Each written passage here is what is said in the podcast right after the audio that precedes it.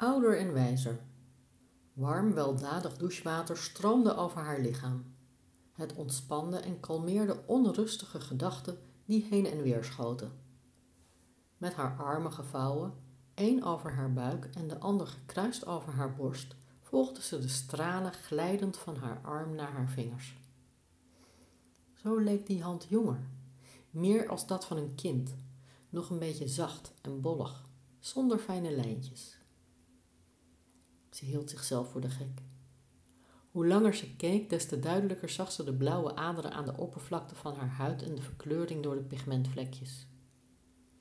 Ze stond midden in het leven, werkte nog dagelijks, had een sterke eigen mening en ze ging graag naar vrienden en haar tennisclub. Af en toe een dag naar de stad of een weekend weg. Volop in welk leven eigenlijk? De herinnering aan de dag dat de bekendmaking van de nieuwe manager werd meegedeeld, kwam boven. Hij kwam van een andere bank en was vijftig.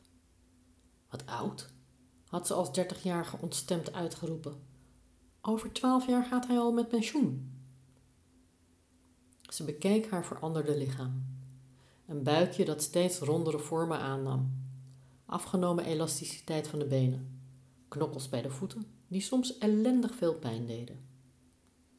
Het meest kwetsbaar was de lijn die zich had gevormd bij haar decolleté. De dag dat ze die zag, besefte ze dat volop in het leven een andere fase was ingegaan. Van rimpels in haar gezicht was ze nauwelijks onder de indruk. Waarschijnlijk omdat anderen in haar omgeving diezelfde sporen vertoonden. Met de tijd was ze erachter gekomen hoe het kwam dat anderen altijd zoveel leken te weten. De school van het leven, voor en door iedereen te doorlopen. Veel verschillende niveaus, met diepe lagen die steeds duidelijker werden naarmate je langer doorleerde.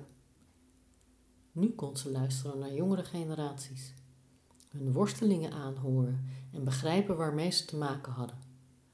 Opgelucht ademhalend dat zij het al allemaal achter de rug had. Ze kon gevraagd en ongevraagd advies geven. Het was haar gelukt. Net zoals de mensen die haar voorbeeldfiguren waren, haar door het leven hadden geleid. Ook zij was een wijze oudere geworden. Het voelde als een jas die paste. Daar dacht ze vijf jaar geleden heel anders over. Net zoals ze ooit had gedacht over de leeftijd van de nieuwe manager. Tijdens het ontbijt keek ze opnieuw naar haar handen. Glad en rimpelloos waren ze nu, zoals het leven ook kan zijn.